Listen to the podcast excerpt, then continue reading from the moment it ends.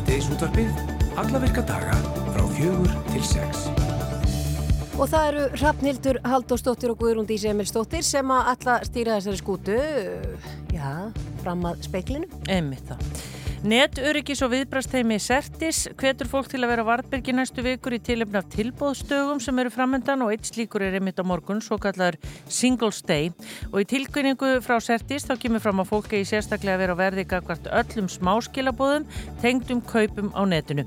Magni Sigursson, hann er fagstjóri yfir atvika meðhöndlun hjá Sertis hann ætlar að vera línu hjá okkur eftir og bara aðeins að fara betur yfir þetta. Já, þetta byrjar öruglega bara strax á miðnætti, þá byrjar uh, brjálaðið brjálaðið, vestluna brjálaðið svo kallaða. Í gær þá fengum við fréttir af því á mbl.is að móðufélag heimkaupa hegðist fara í slag á lágarverðsmarkaði og stemt sér að því að vestlun opni fyrir páska á næsta ári miðsvæðis á höfuborgarsvæðinu og var haft þetta fórstjóra heimkaupa að mikil tækifæri væru á þessum tímapunkti fyrir nýja lágarverðs vestlun. Greta Maria Gretarstóttir, fórstjóra heimkaupa, hún ætlar að koma til okkar. Nýlega kom út bókin Afi minn stríðsfangin og er höfundur hennar fjölmjölakonan Elín Hirst. Sögursviðið er heimstyrjöldin síðari en skömmu eftir að breytar hernámu Ísland það handtáku þeirra alla þjóðverja sem að bjúku á landinu og það skipti engu hvort í stuttu málstað nazista eður ei. Karl Hirst, Afi Elínar Hirst var eitt þessara manna og beigð hans eins og hinna vist í fangabúðum í Englandi og þegar vistinni í fangabúðunu laug þá tók við annar hryllingur.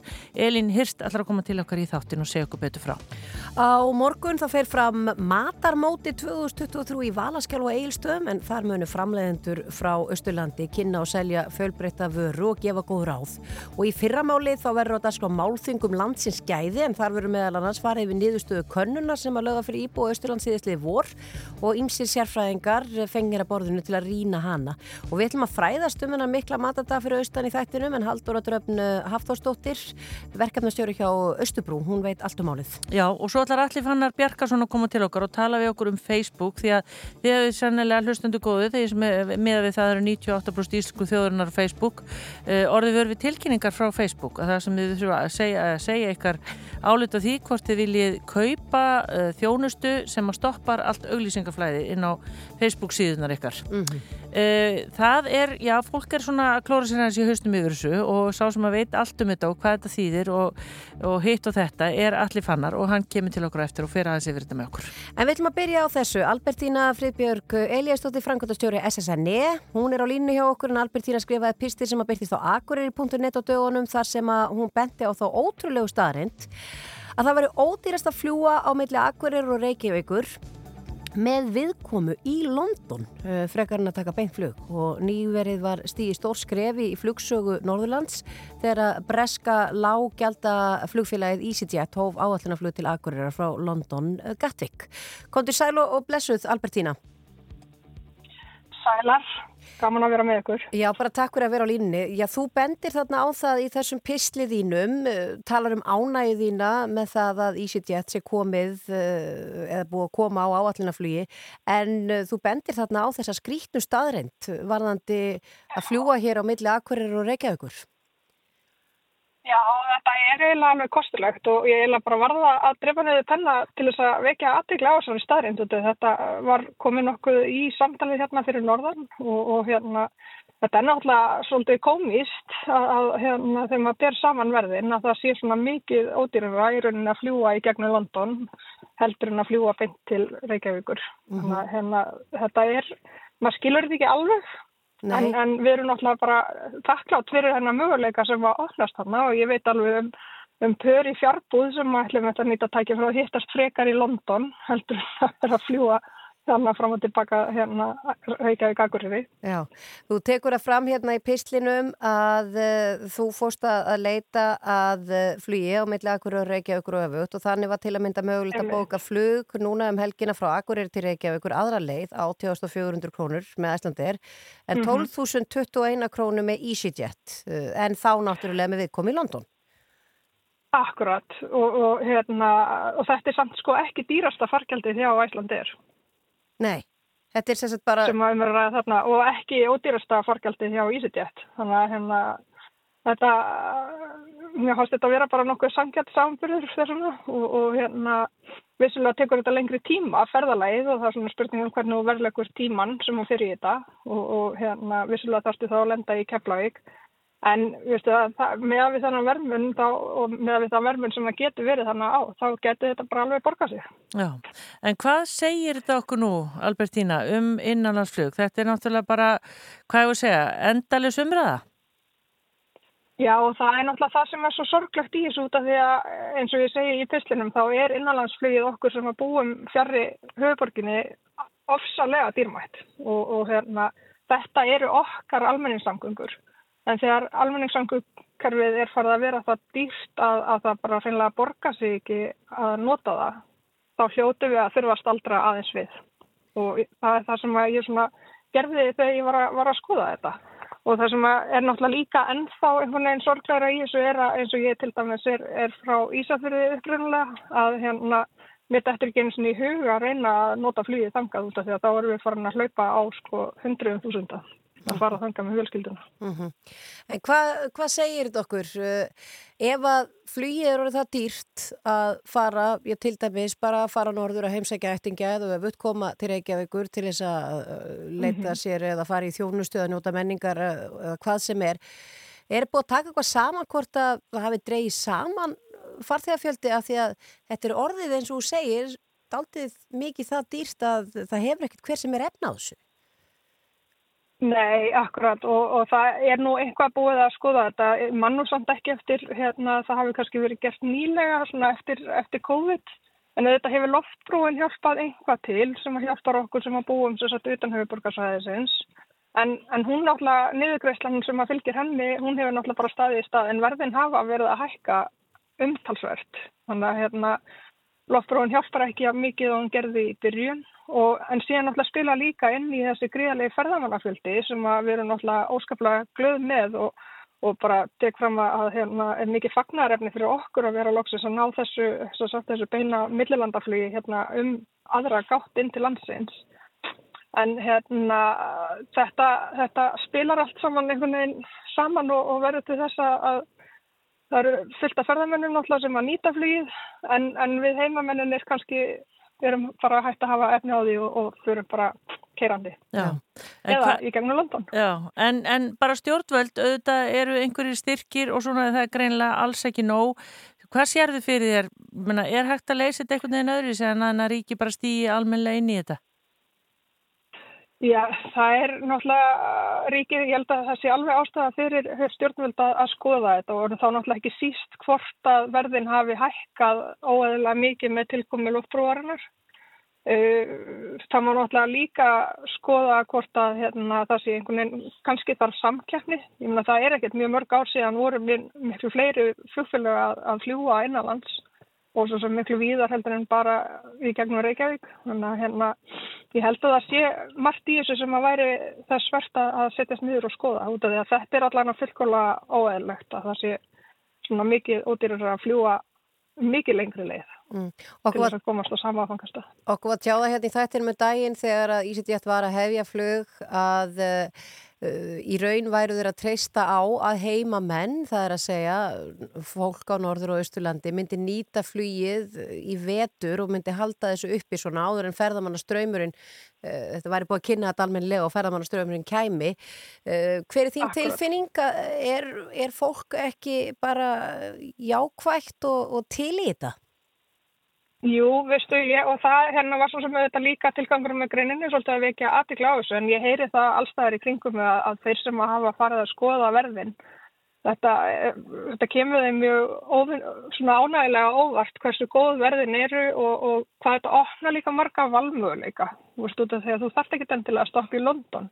Leiðakerfi frá London er náttúrulega gríða stort og, og hún var að segja að þetta opni já, bara opni heiminn allan fyrir akkurýringum og, og, og já, eins og þessi íbúðum á, á Norður og Östurlandi og jáfnvel Vesturlandi. Mm -hmm. uh, Albertína uh, Friðbjörg Eliasdóttir, takk fyrir að ræða við okkur og góða helgi. Bara takk sem er leiðis, gaman að heyri ykkur.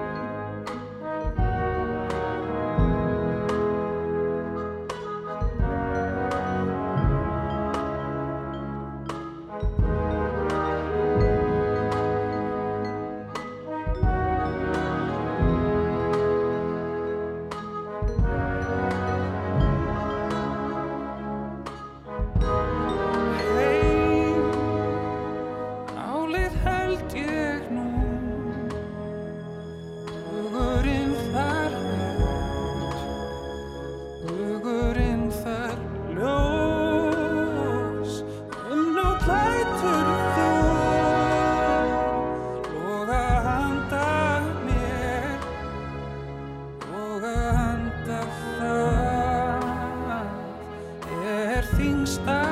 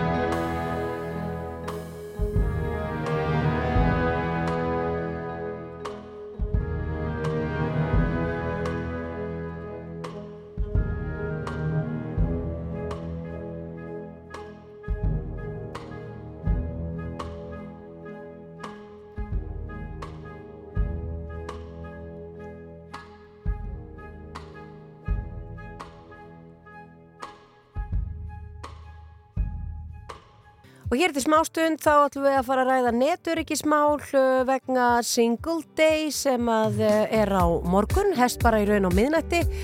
Markir að fara að vestla á netinu og svo er náttúrulega Black Friday og svona, það er ímislegt sem við þurfum að hafa í huga.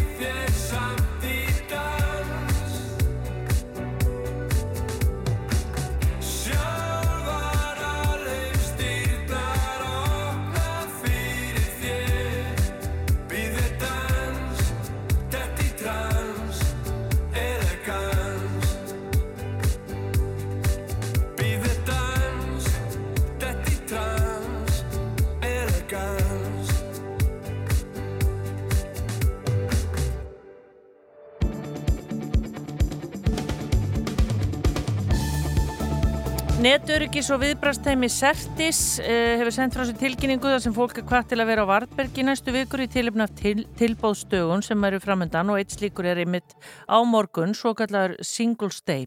Og í þessar tilkynningu uh, þá kemur fram að fólk er sérstaklega að vera á verðika hvert öllum smáskilabóðum sem eru tengt um kaupum á netinu.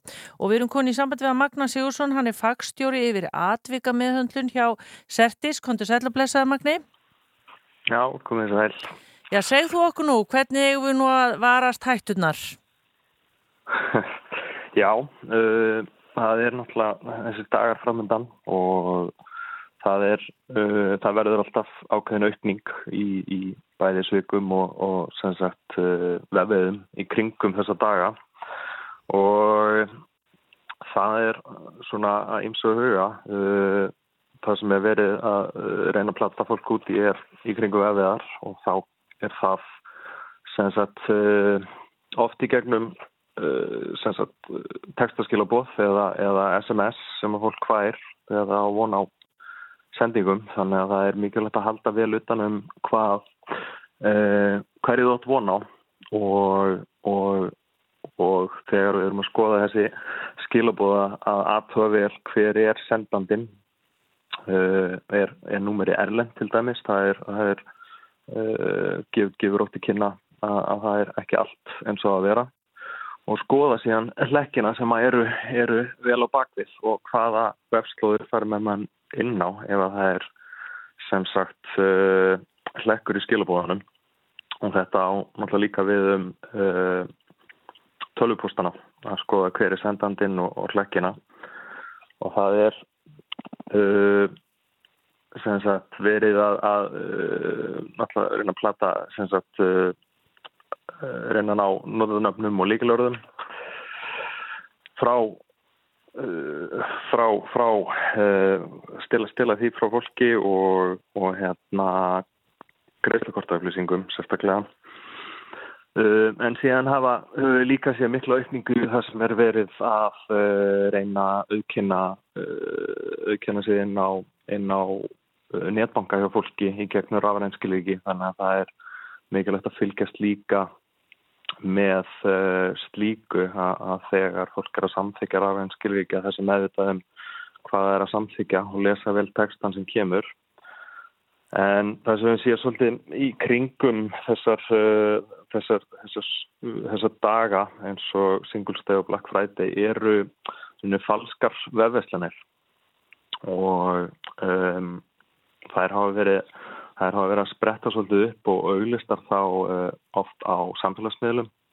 Og það er verið að setja upp sagt falskar uh, hérna síður á samfélagsmiðlum sem er að líka eftir fyrirtækjum og, og sagt, oft, oft á tíðum uh, fyrirtækjum sem er að selja fatnað og, og, og slíkt.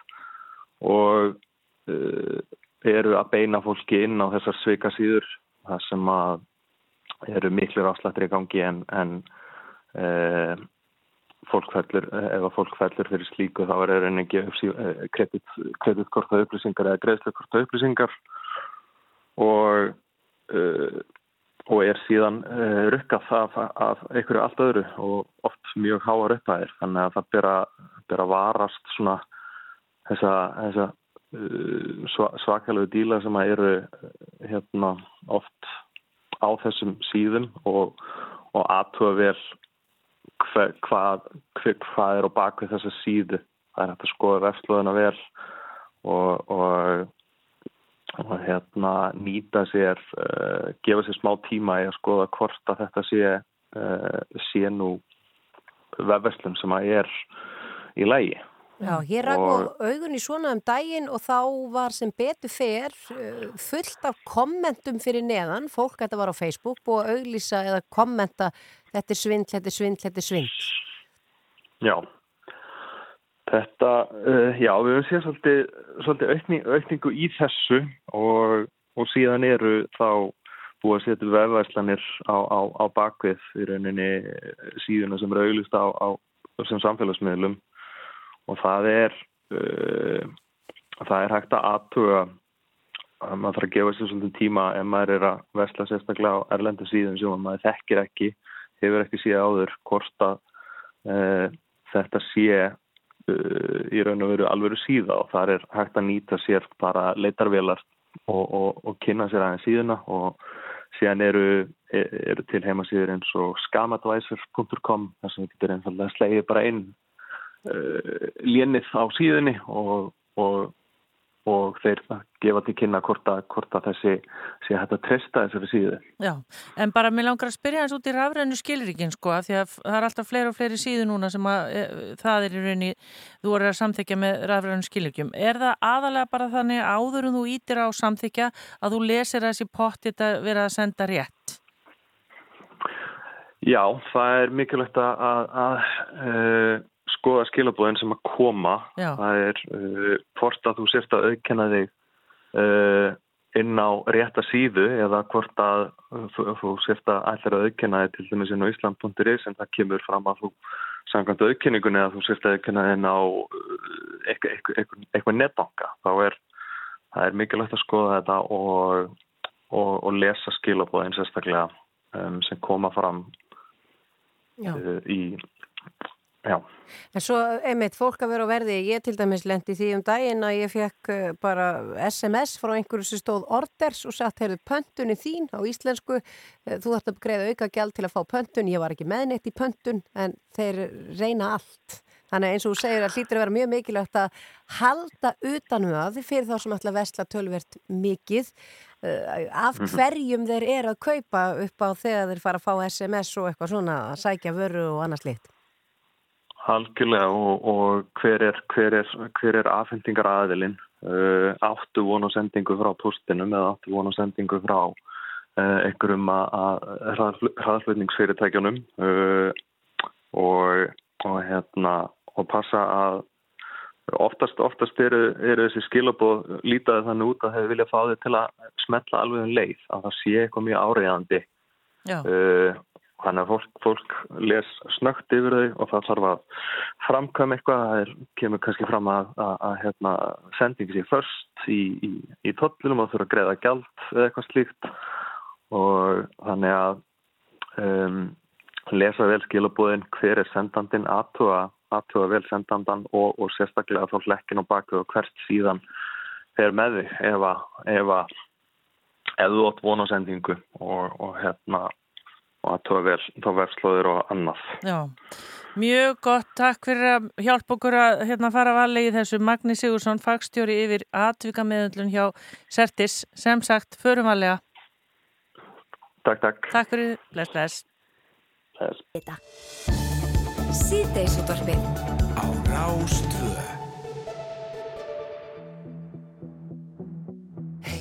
Ertu ein eftir erfiðan dag Því að ég man að þú skrifaðir allt niður á blad Nú ertu einmanna Af hverju einmanna Þú sýndir mér margt sem að ég hef í kleim Nú hlýtur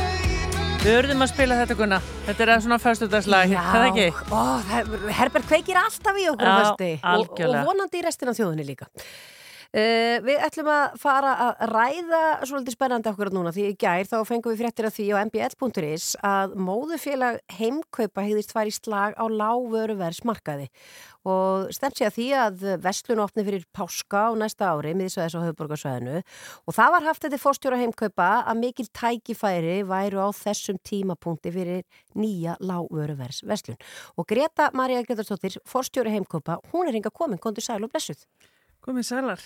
Eh, Þú talar um að það veri mikil tækifæri á þessum tímapunkti, kannski á þessum síðustu og vestu fyrir nýja lágvöruvers vestlun. Já, þetta er svolítið tungubróður. Já, töluverður.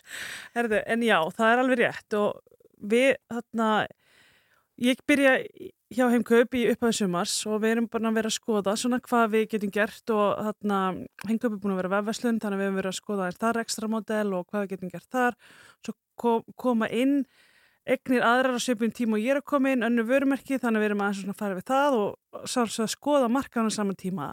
Og sjáum svona það er lítið að gerast á þessum maturmarkaði og það eru sömu aðalarnir sem eru bara búin að vera í rosalangan tíma og farið að líða svona nokkuð vel þannig að það er ekkit gríðarlega svona samkeppni á markanum og maður sér það á afkomi tölum fyrirtækjana að það eru svo sannlega tækifæri til þess að gera betur og við sjáum það tækifæri, þú veist, ég meina ef að það er hægt að lekka verð og komið vestum sem að getur búið að læra hvort að það myndi þá bara ekki henda og umhverfis kannski efnaðsástundana auðvitað skemmir það ekki fyrir en hérna við erum að hugsa hvernig við getum gert hlutina eins og annan hátt. Ekki vefverslu þá? Nei, ekki vefverslun. Þetta er bara nýtt vörumerki, þannig að brand vefverslun er líka svolítið önnur þjónusta. Þar er einhver sem eins og heimkaupum með vefverslun í mat, þar týnir einhver fyrir, auðvitað getur sótt líka eða þú getur fengið heimsend og það er bara allt annað. Það kostar rosalega mikið.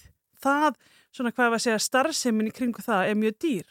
Þannig að maturinn oft, þú veist, við erum alltaf að reyna að vera sanglinsæmi, við vitum alveg að við erum aðeins dýrari en teljum okkur á móti líka að veita betri þjónustu en hitt sem við erum að fara að gera og var verið að segja frá í gær og er að koma næsta ári það er bara, við erum bara að fara í slagamarkaði og vonandi getur mun almenningu njóta þess. Já, en ég meina, talið um það, hvað eru við með mar margar lágvöruversveslanir í dag? Er það, eru það ein eða eru það tvær? Sko þegar maður fer erlendi sem maður er að horfa, hvað er sá sem maður er að keppa á verðum? Það er ákveðin takmarkar fjöldi vörunúmera sem maður er í bóði og ég horfi bara, það er bara einn þannig veslun í dag En á móti þegar er enginn kannski akkurat að keppi því að þá eru þarna fyrir okkur, við horfum á það að séu tækifæri til þess að koma þar inn og veita þessum aðalveg samkeppni. Ertu þá að tala um bónus? Já, já, og vonandi bara taka sem flestir þátt.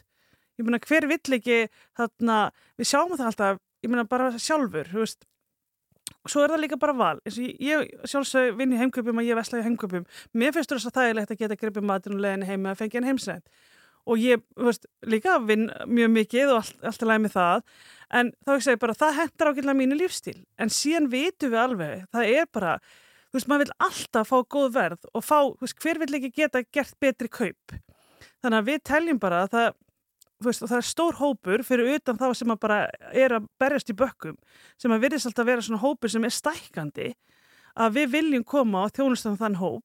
En á sama tíma viljum við líka veist, eins og segja það maður er að horfa hvernig þróunin er erlendist þá eru vestlanir sem eru láverfærsvestlanir og eins og við höfum skoðað þróunina mikið í Breitlandi og þar í gegnum COVID-i þá byrjaði fólk að fara og segja bara, ég ætla bara að nýta peningi mín betur og í staðin fyrir að fara í einhverju búð sem er aðeins svona dýrar eða einhverjum svona þessu milli, þá er fólk bara að fara að vesla miklu meira í diskontbúðunum að því það vil bara, hver vil ekki nota tíma sinn bara að geta að fara í bíó með börnanum eða gera eitthvað fyrir sjálfan sig Já. En er þetta þá, er þetta svona búð sem að maður þekkir frá útlöndum sem er bara einhvern veginn svolítið allt í kössum og þú rótar bara í pappakössunum sjálf? Við munum alltaf að leita allra leiða til þess að hana, geta búið sem besta verð og það er að leiðandi líka fækka handtökum Já. í búðinni.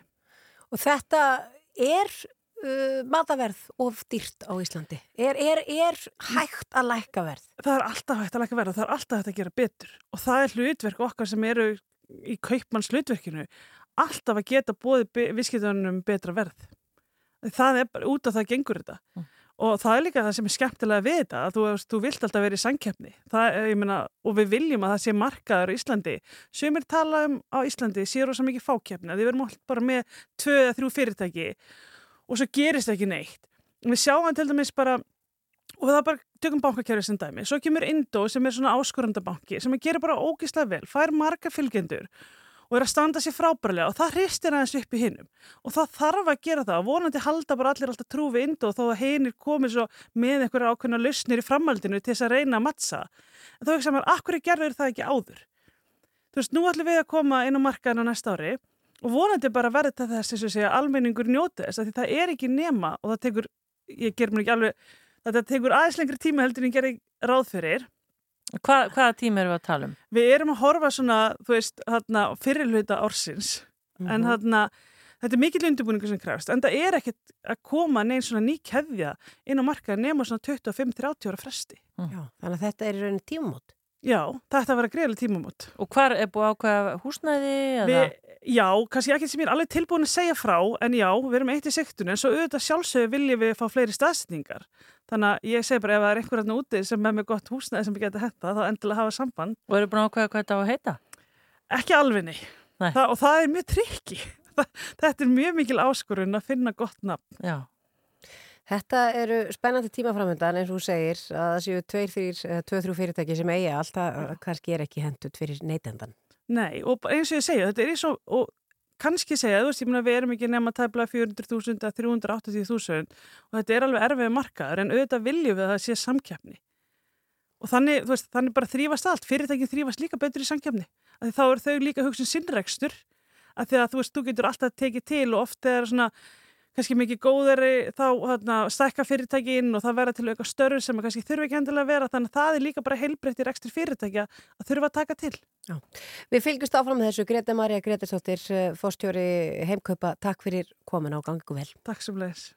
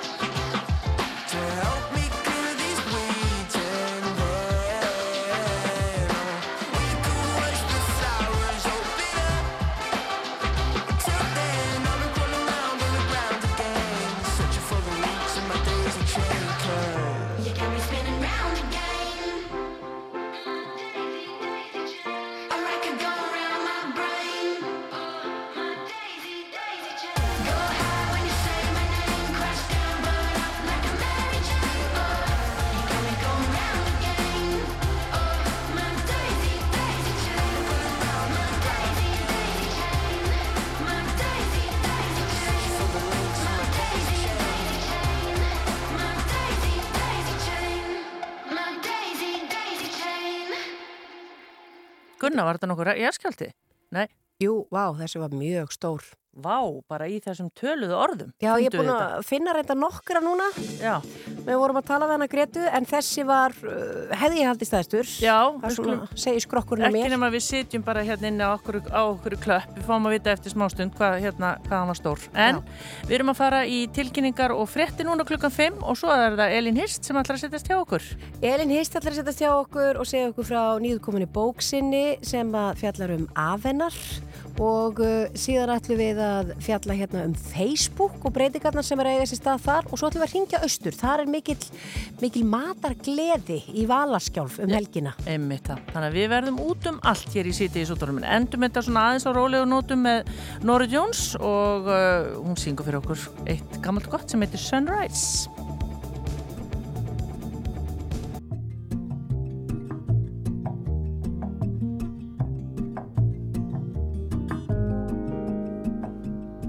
Sunrise, sunrise, looks like morning in your eyes, but the clock's held 9:15 for hours. Sunrise, sunrise, couldn't tempt us if it tried, 'cause the afternoon's already come and gone. And I said, Ooh.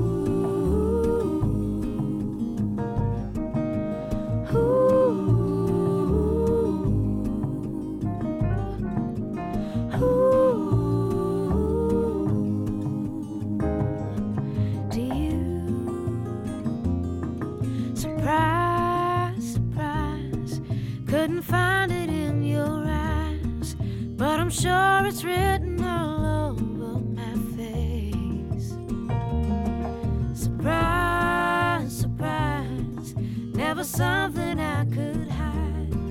When I see we made it through another day, then I say, Ooh.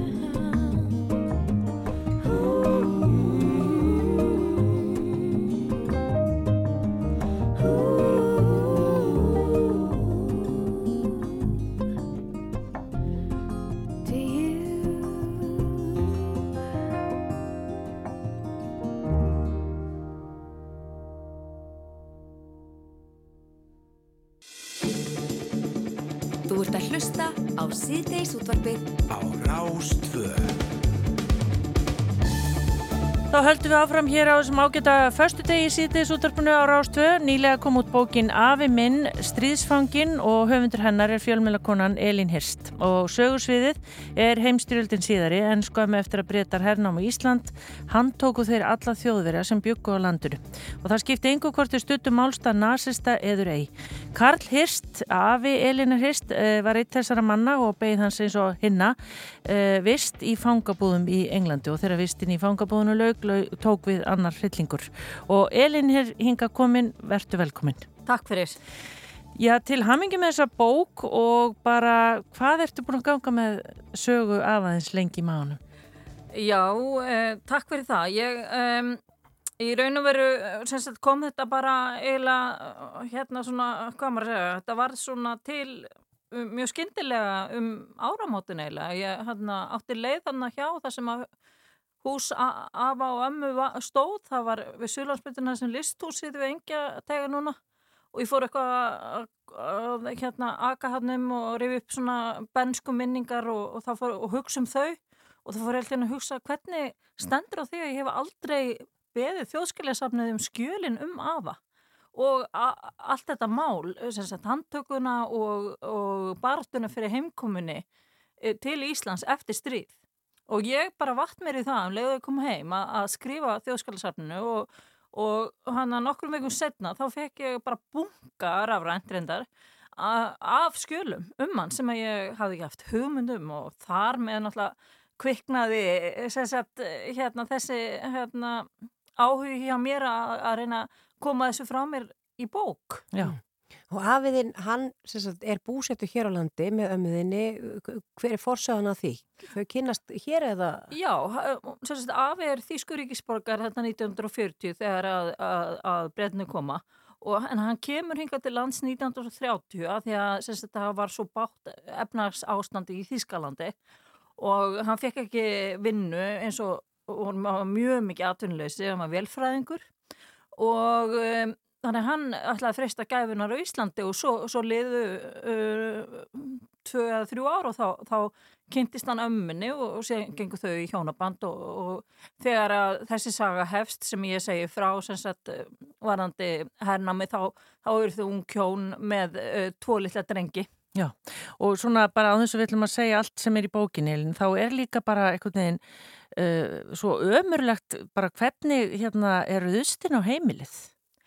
Já, það er nú svona kannski það sem að situr eftir í sálinni mjög hérna fast hjá, um, já, hjá þeim. Þau náttúrulega hérna, amma og afi eru dáin en, en, en þetta satt mjög mikið í þeim og svo og eins í í raun og veru bræðrunum litlu drengjanum og hérna og það er eins og þegar maður þetta, þetta minnir á, ég fór að lesa skilgrinning á hvað er áfallastreita. Áfallastreita, þá, þá er þetta alveg hérna mjög uh, samsvarandi því sem fólk verður fyrir þegar upplifir einhver svona rosalega ógn við sitt eigið líf og, og eins og þau gerðu náttúrulega þarna það sem þau lágu þarna bara í róli huttunum og voru að hérna Bara kúra? kúra, já, já. einfallega Já. allt innu bara ruðst inn sem sagt, með, með hérna vopn og, og, og þetta er bara ógeðslegt sko. Og hann bara tekin?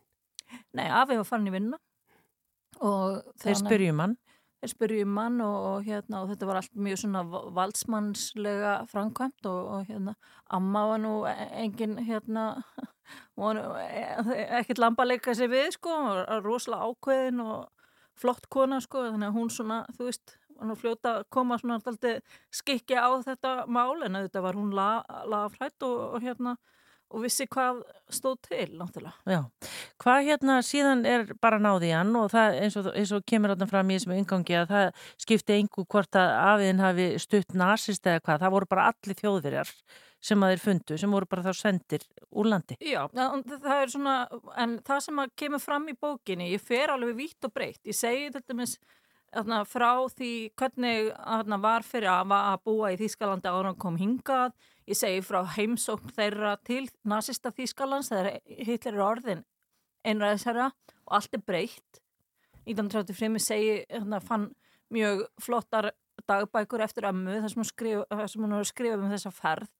Um, ég segi svo frá uh, dvöl afa og þeirra hvernig þau reynda að hafa samskipti meðan hann var í fangabónum og svo ekki síðan, síðast en ekki síst þegar hann kemur heim aftur. Já, sem er hryllilegur bara tími eiginlega. Já, það, hann er sérst bara þannig fyrir að fá hann heim, sérst tók tvö ár eftir stríð og þegar hann kom heim þá náttúrulega var ekki, voru hlutinir ekki eins og þeir hafðu verið. Nei. En ég ætla bara að leifa lesundum að, að, að, að eh, sjá það í bókinni sem sagt og þannig að það er, ég kem mjög víða við og það eru þarna alveg óskaplega margir hluti sem ég hef ekki hugmyndum sem ég hef búin að rannsaka og, fá upp á auðborðið og, það var svo gott að, að koma þessu á eitt stað Já, og þannig svo náttúrulega fullt að ljósmyndum og svona. En Elín, bara þú sem lítil stúlka, ég meina, hvað sagði, hvað sagðu þau þér? Já, ég ólst upp við það að þetta var svona að afi minn hefði verið fangi og stríðsfangi og uh, amma var mjög reið og bitur alla tíð yfir þessu máli. Afi var eins og að svona, hann um, var svona mjög rólegri í tíðinni, og svolítið ólík hjón en og skaplega samt samreimt og afi svona held sem er að til hlýjas og talaði, vildi ekkert um þetta tala en amma let oft hana gamin geisa og þannig að ég man mjög margt sagt, úr eskuminni sem tengist þessu sem sagt, auðvitað ég er náttúrulega ekki fætt fyrir 20 árum eftir að þessir atbyrður eruði 1940 en, en síðan hef ég líka talað við föðuminn og, og bróður hans föðubróðuminn og þeir hafa sagt mér líka svona ímsa sögur Já. af þessum atbyrðum öllum. Þannig að þetta hefur mótað fjölskylduna. Já, ég segi nefnilega á einu stað að þetta var, hefur orðið hluta erðamengi fjölskyldunar. Já, mm. emmitt. Og Við vorum einmitt í fjalla í gærum bók sem fjallar um ástandsárin og bara þá harkalög meðferð þeim stúlkur fengu á þessum árum. Þetta er í rauninni bara svona daldi óskiljanlegt allt saman. Hvernig þetta gekk fyrir sig hérna? Já og nei, sko, uh, að sumuleiti er það skiljanlegt að menn handteki alla þjóðverja í stríði, uh, svona, maður getur alveg skilið það. Það er raun og veru það bara ástand sem skapast sem sagt, ásóleiðis uh, tímum, þannig að þá, þá einhvern veginn er öll mannúð einhvern veginn bara hún er farin út um gluggan. En það sem er svona, það, það ljóta í þessu og, ég, og við um öll erfitt með að sætt okkur við, akkur fekk hann ekki að koma heim þegar stríðinu lög. Já, það leiði þarna tvö ár. Já, hann var sendur aftur til Þýskalands, hann sem ríkti algjörst hörmungar ástand og ég lýsi því og það kom mér líka óvart hvað skonar ástand var í Þýskalandi eftir stríð, eftir, eftir nazistmann, eftir heimstyrjöldina, emdin og volaðið og þetta er bara land sem er hérna sem næsti bær Já, við já. okkur. En í dag, sko, það er stundu þannig að maður fi- finnst fólk bara sem býr í Þýskalandi, ungt fólk með þess að það gengur svona um með svona pínu samvuskupitt yfir þessu öllu saman. Já. Meiri sér kynnslóðuna sem er að vaksa og grasi í dag. Algjörlega. Þetta hlýtur að vera rosalegt fyrir þjóðina að, hérna, að bera einhvern veginn þessa byrðar sem sagt, og hva, hvað gerðist og, og auðvitað náttúrulega ég veit ekki hvað fólk vissi mikið ég held samt að nazistannir þeir, þeir voru mjög duglegi við það að, að leina því hvað þeir voru raun og veru að gera Já. og hérna og, og þannig að það er svona maður veit ekki alveg hvað var á almanna vitorði raun og veru sko. Nei. En ert þú stolt að því að vera, hvað erstu þá, einn fjóriði Ég er einn þjóðveri? þjóðveri, þjóðveri. Já, já, já, algjörlega. Ég meina, pappi minn er hálf þýskur afi minn er þýskur.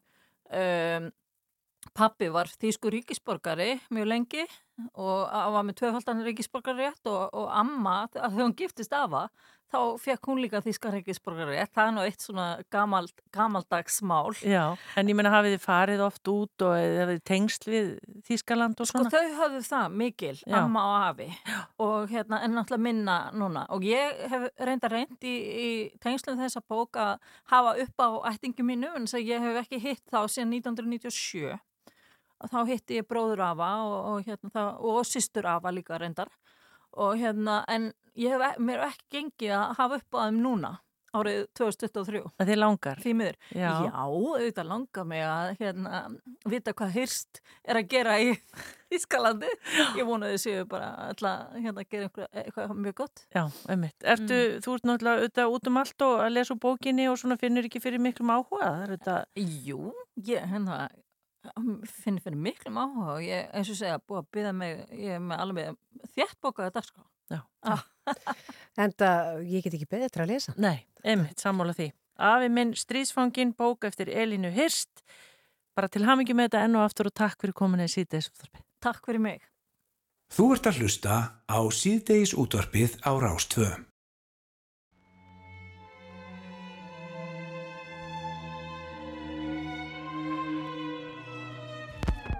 so enchanting in every way. It's everlasting every day. Sweet obsession, rose bouquets. Oh, it's heaven, or so they.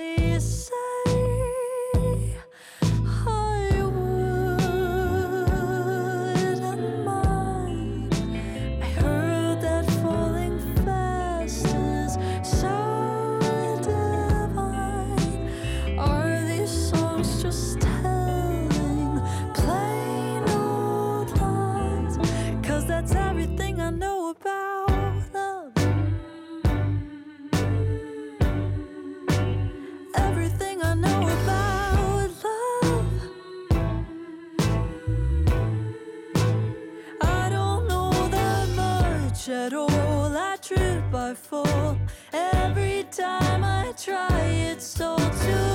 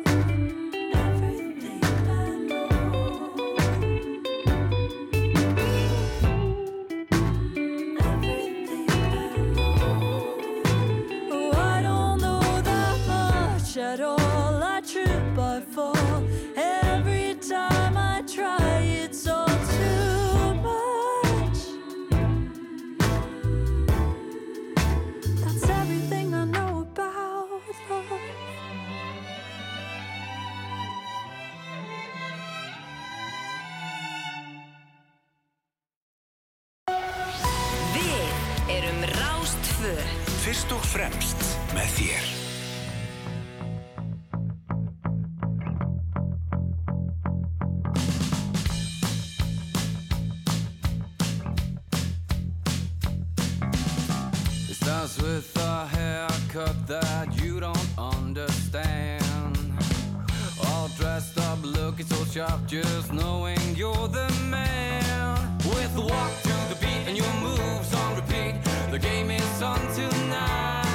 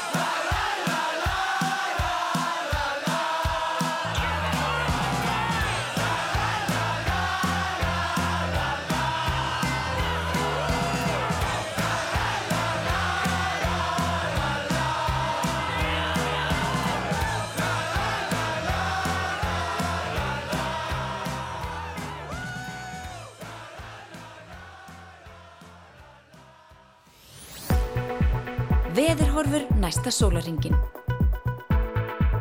Jæja, Guðrún Dís.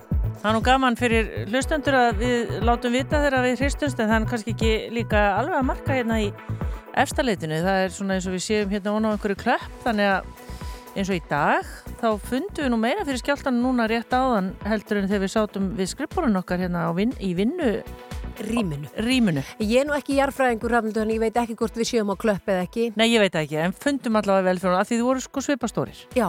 Já. En við finnum allavega vel fyrir þessum skjáltum sem að núna eru og, og hugur okkar er náttúrulega bara suð með sjó þar sem að það hlýtur alltaf hristast skjálfa. Já, en hvað segir okkur um veðrið? Uh, það er hæg suðlega, það breytir átt uh, skýjað með köplum og sumstaða skúrir eða jél en bjartfyrir á norður og austurlandi. Það snýst í austlaga átt 5-10 á morgun en 10-15 sunna til setnipartun og þetta áldi rigningslitt eða snjókoma öðru hverju á vestamöru landinu.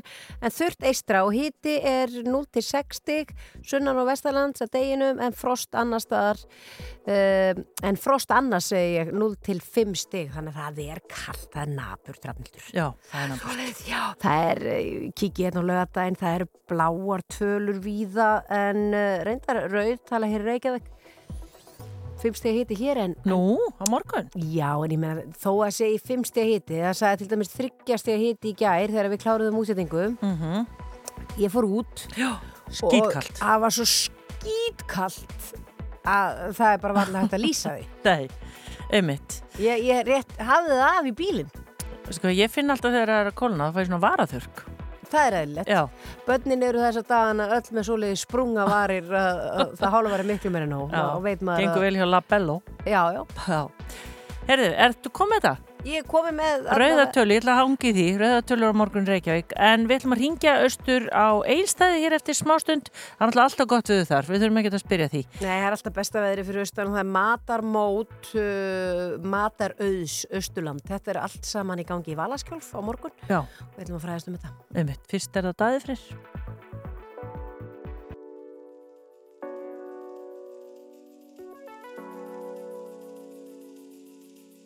There has to be a limit to love, to love. Oh, there's got to be a limit, but I just haven't found it.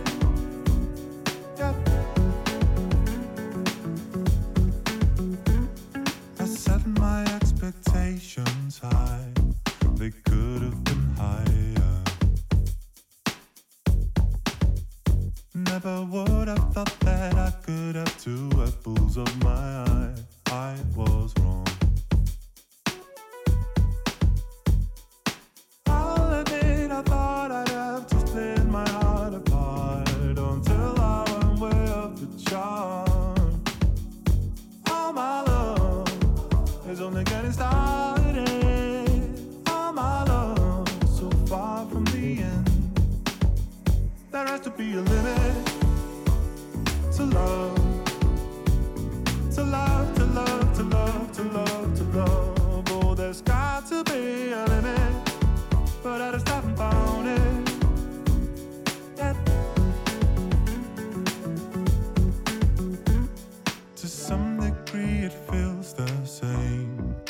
somehow so different. to very different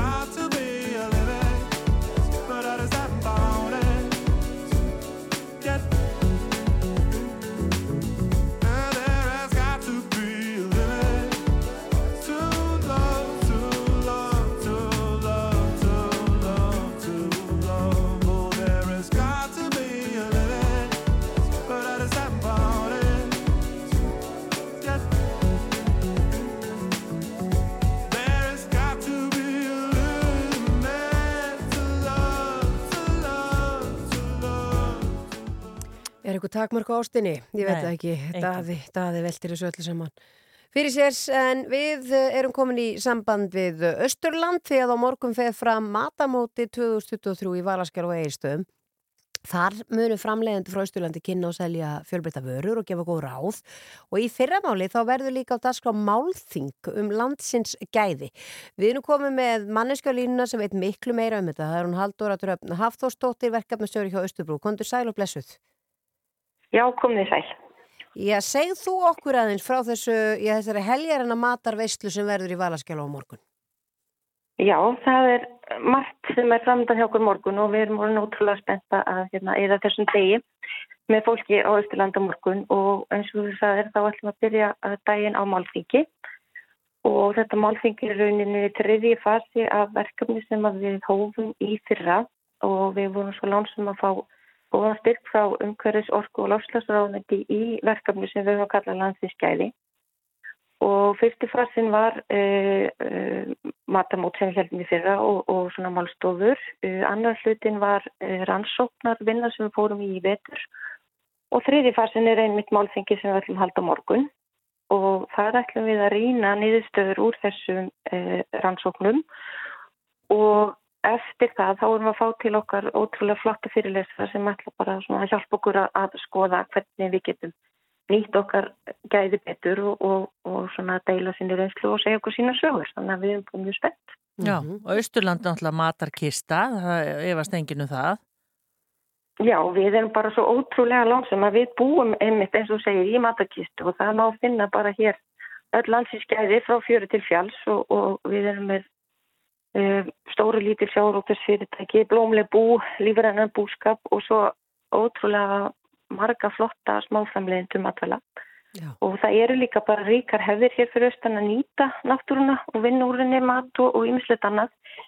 En okkur langar svolítið að gera enn betur og, og, og skoða hvernig við getum ennþá frekar nýtt þessar endur nýjanlegu auðrindir og ekki síður van, þetta var nýttarháfni sem að tilfellur og enginn er að, er að nýta. Mm -hmm. Og hvað, þetta er í þriðja skipti sem þetta er haldið en nú ætlið að opna þetta almenningi? Já, þetta er því að skipti og uh, í rauninni var fyrsta móti haldið uh, að það var svona ósk frá bæði maturlaframlegundum og sölaðalum að þá vantaði svona vettvang til þess að geta hist og, og, og búið saman bækur sínur og mynda tengsl og, og til að vinna þetta saman. Og uh, þá var svolítið áhersla frá þeim að þeir fengi þetta næði í samtalið en, en núna finnst það komið tími til að bara bjóða östfyrðingum að vera með okkur og, og klukkan hálf þrjú þá opnum við húsið og þá eru bara allir velkonir að koma og smakka og, og hérna við erum með líka nýjungar að, að þetta árið er ekki bara matala framlindur heldur erum við líka bjóða fólki sem er að vinna annars konar vöru úr ráðinni fyrstulandi, til dæmis sábur og reyndiratólk og, og blábyrjum og, og fólk sem er með hérna að vinna úr timbri og alls konar Og síðan erum við líka að bjóða fólki núna að vera með okkur sem er með það sem við kallum matur í mótun. Að það eru þeir framlendur sem eru svona byrjaðir að, að vinna einhvers konar matvöru en ekki kominir með hana í, í fulla framleyslu. En gætu nýtt þetta tækifæri til að koma sér á framfæri. Mm -hmm, mjög gott. Uh, þarf fólk að skrá sig eða má það bara mæta? Það má bara mæta klukkan hálf þrjú og hérna, mér langar líka að segja frá því að við erum að fá til okkar rosa flotta gæsti. Uh, við erum að fá Ægir Fridriksson sem er að kokkur og hann er nú á fellabænum. Ég skilt að það er mikilvægt að það komið fram. og hann vinnur í hótel- og ætlar að taka með sér þrjá kokkanema sem er allir ættar frá Ísturlandi. Já, já. Og þeir eru að koma að Ístur núna með fluginu klukkan sjö og, eru búin að fá inn í... Uh, mentaskólum að Ístöðum í, í eldhúsinu þar. Og íbúar og fyrirtæki hér fyrir austan eru búin að vera, ég verðum búin að vera sanga á okkur sko signum fiski og harðfiski og makril og hreindiratungum, hreindirahjörtum, rófum og karteplum og alls konar fleiri skemmtilegum og þeir ætla síðan að vera í allt kvöld að, að elda og kjör græja. Og bjóða svo gestum og gangandi upp á smakka morgun. Þannig að það verður mjög spennand að sjá hvað þeir kokka úr þessu skemmtilega ráðni og, og hérna og það er svona skemmtileg viðbúr líka við, við það sem gefur verið áður. Já, mjög gaman. og mjög gott uh, og það verður spennand að sjá hvað kemur líka út úr málþinginu þegar þið verður búin að fá sérfræðingar að rýna í þessa tölur með ykkur. Og við erum með mjög flotta fyrirlesar þar eins og til dæmis uh, Vigdísi Hessler sem er framkvæmtastjóður bændasaftakana og, og, og hérna Kristín Marja Sigþórsdóttir upplifuna hannur, hún alltaf vera með okkur og Guðbjörg og, og, og Jón sem er eigandur í búið náttúruna þannig að það er margt mjög spennandi sem verður hjá okkur morgun. Hvernig fólk til að kíkja inn á þetta? lang- Já, kannski mér langar líka að koma það framfæri við erum að, að fá vælega styrk þess að frá umhverfis orku og lofslagsráðuneytinu og einnig frá sóknaráðurinn Austurlands en það er alltaf líkilatrið að við fáum góðan stuðning til þess að geta haldið svona stór, stór verkefni. Akkurat, það er bara það og það er þetta að kíkja, á, þetta segja á Östurland.is. Halldóra Dröfn Haftarsdóttir hjá Östurbrú, takk fyrir að vera á línni hjá okkur. Takk kærlega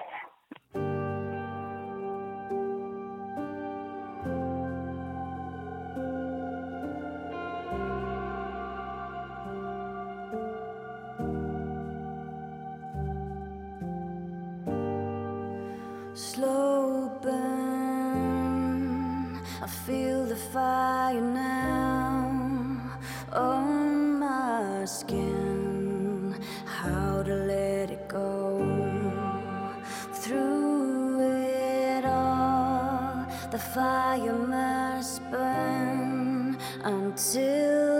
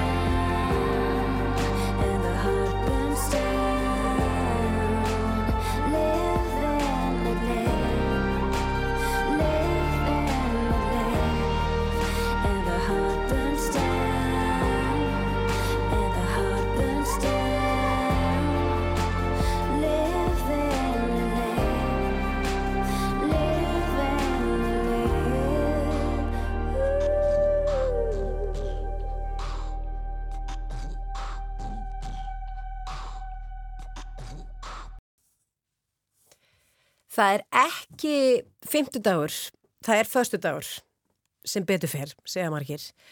Það er komin til okkar maður sem heiti Alli Fannar Bjarkarsson og kemur alltaf til okkar á fymtudagum, það er þetta aldrei rauglislegt fyrir hlustendur, en hann er komin yngar til þess að ræða aðra hluti því að eh, Facebook er að gera breytingar hjá sér og það hefur eflust einhverjir lendi í því þegar þeir að fara á Facebook núna, kemur upp einhver melding og allir veit allt um þetta og allar að að hjálpa okkur einhvern veginn að að átta okkur á hvað þannig er í gangi. Kondur sæl.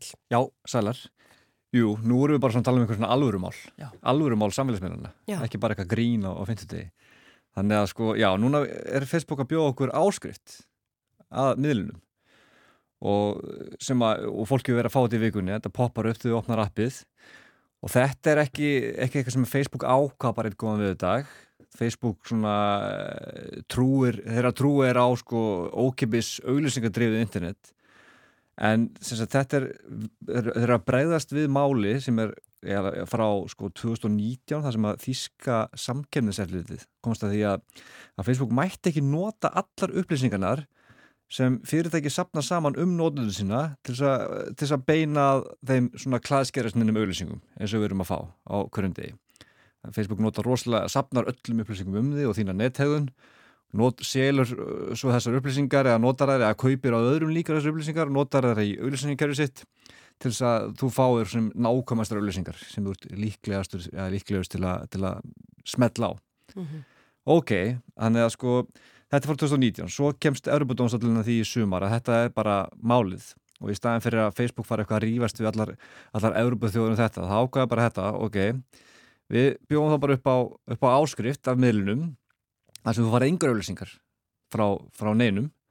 Eða þá að þú, ef þú vilt það ekki þá áttu reynu búin að samþykja það að þú, við megum nota allar upplýsingar um þig til þess að senda þér auðlýsingar það snerist í rauninni bara um þetta samþykki, þetta, þetta virtist svolítið snúast um sko hvort að Facebook mætti vera að nota þessu upplýsingar svona, og, og klasskerasnið auðlýsingar og allt þetta en fólk þarf bara, við þurfum að gefa svona annað samþykjirunni, við erum búin að samþykja hitt og þetta þegar við notum miðlinn en nú þurfum við að samþykja þetta upp á nýtt Hmm.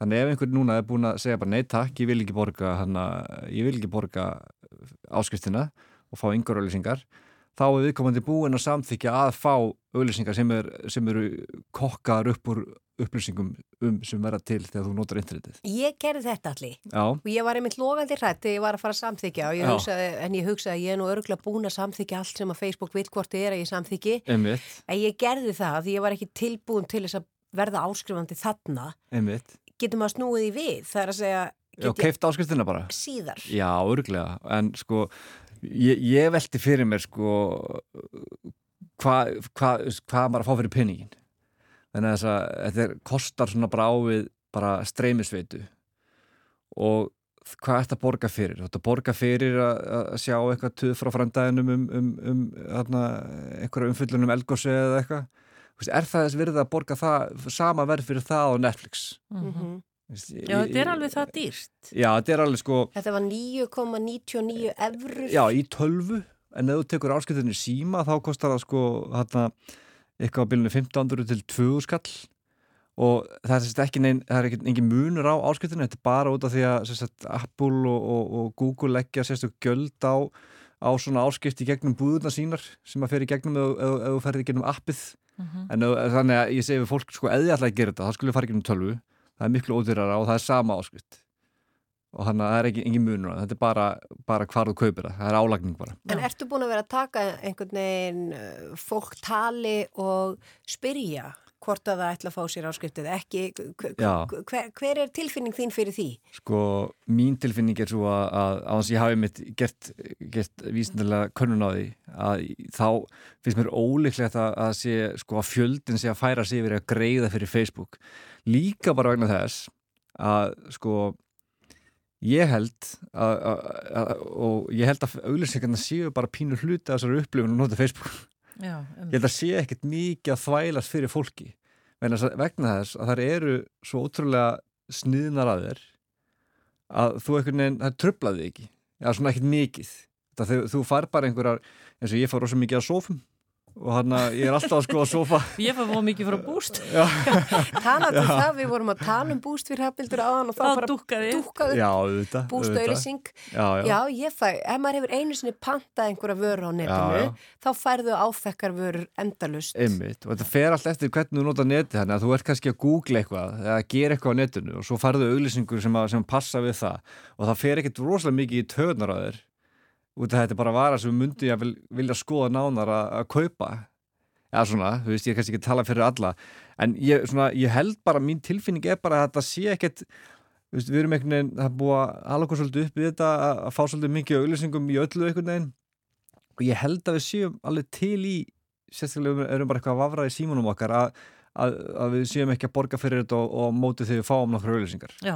He held ég sko Já. En er þetta ekki, af því við vorum eitthvað ræðaninn og svæðin okkar áðan, ekkit, hefur þetta ekkit með sko að Facebook hafi þá leifi eins og fyrir þínar myndir og þú sést búin að skrifa. Er, það, er það önnur ella? Já, það er allt unnægilega, Já. ég held að sé þetta, þetta sé, Það er nefnilega líka eitthvað í gangi þar. Já, það er ummitt allir samfélagsmiðlar hafa þetta verið svona hvað ég segja, það er svona verið mikið tala um hva, hva, hvað þeir eiga því sem þeir, þú setur inn á miðlana þú veist, þó þetta séu þína síður Já. texti og myndir og myndbönd þú veist, hvernig, hvernig eignarhaldið á því er og ég held að sé nú alveg ennþá þannig að, að, að þú eigir það nú alveg Já. Og, og með myndir að þú eigir höfundaréttin Mhm. þó að þeir eigin einhvern rétt á því að, að byrta þér einhvern veginn eða einhvern veginn eða, eða geima þér þetta er allt mjög, þú veist, þessi fyrirtæki er ekkert eðlileg Nei. og sapna öllu og saman einhvern veginn og er að búa til einhverja gagnagrunna og, og, og, og úrverða einhverja upplýsingar sem að eru svo bara seldar og allt í dúkkar þetta upp í einhverju gerfigrind þú veist, þar sem ma- maður leitar að einhver, þetta er, þetta er bilað en hann En tökum þetta þá saman í lokin, varandi Já. þetta með auglýsingarnar. Þú mæli með að ef fólk allar að borga, að þá gera það gegnum tölvu. já, ger, já, það er Já. og bara flott mál, þá fáið þið yngar auðlýsingar, bara, bara efnið En, en Og- númer 1, 2 og 3 allir er það að fólk þarf að gera, gera þetta upp við sig af því að þeir eru að þú kemst ekkit inn á appið öðruvísinni að svara þessu Já, einmitt. eru með þetta þannig út af því, já, þeir eru er að bara kalla eftir þessu samþykki eða ekki Já. út af þeir, þeir verða að gera það og svo, um, svo líta þeir svo á hjá Facebook að, að, að, að ef að samþykki er koma þá þau orðin löguleg á í Európu Mhm. svo auðvitað þeir komið ljós hvort að þetta haldi hvort að, hvort að, löggjáðin í Európu segir bara herri, neð, þetta er ekki alveg svona að pæla. Veist, kannski, kannski kemur það setni, ljós en eins og staðan er núna, þá þau svo á þetta sé bara, ef þú vilt ekki kaupa áskrift, þá ertu búin að samþykja að láta hundelta þig og senda þér auðlýsingar í kjölfarið. Uh, ég var nú einu svona að vinna við að selja auðlýsingar í, í gamla daga og þar var manni kent það að auðlýsingar eru í raun daskarefni og þær eru í rauninni uh, gott efni fyrir neytendur því annars myndu þau ekki vita hvað eru tilbóð og hvað er að frétta og hvað er í gangi. Þannig að það er að líta á þetta líka svona. Þetta er alveg fyndið þú segir þetta svona en þetta er ekkit, þetta er alveg pínur rétt. Við, við, við, við neytum auglýsingar rosa mikið og notu þær til þess að aðstofa okkur í að gera upp hug okkar um hvað við ætlum að hvað gerum við peningan okkar. Mhm. Þannig að sko, þetta er bara spurning hversu mikið auglýsingar að fara í töðunar og fólki í, til og svo á Facebook. Þannig að þið við vilja geta losnað með þær allar en svo sjáum við bara til hversu mörg munu eh, nýtast það. Alli Fannar Bjarkarsson, takk enn og aftur fyrir að koma og fræða okkur um þetta. Og góð helgi. Já, svo við leiðis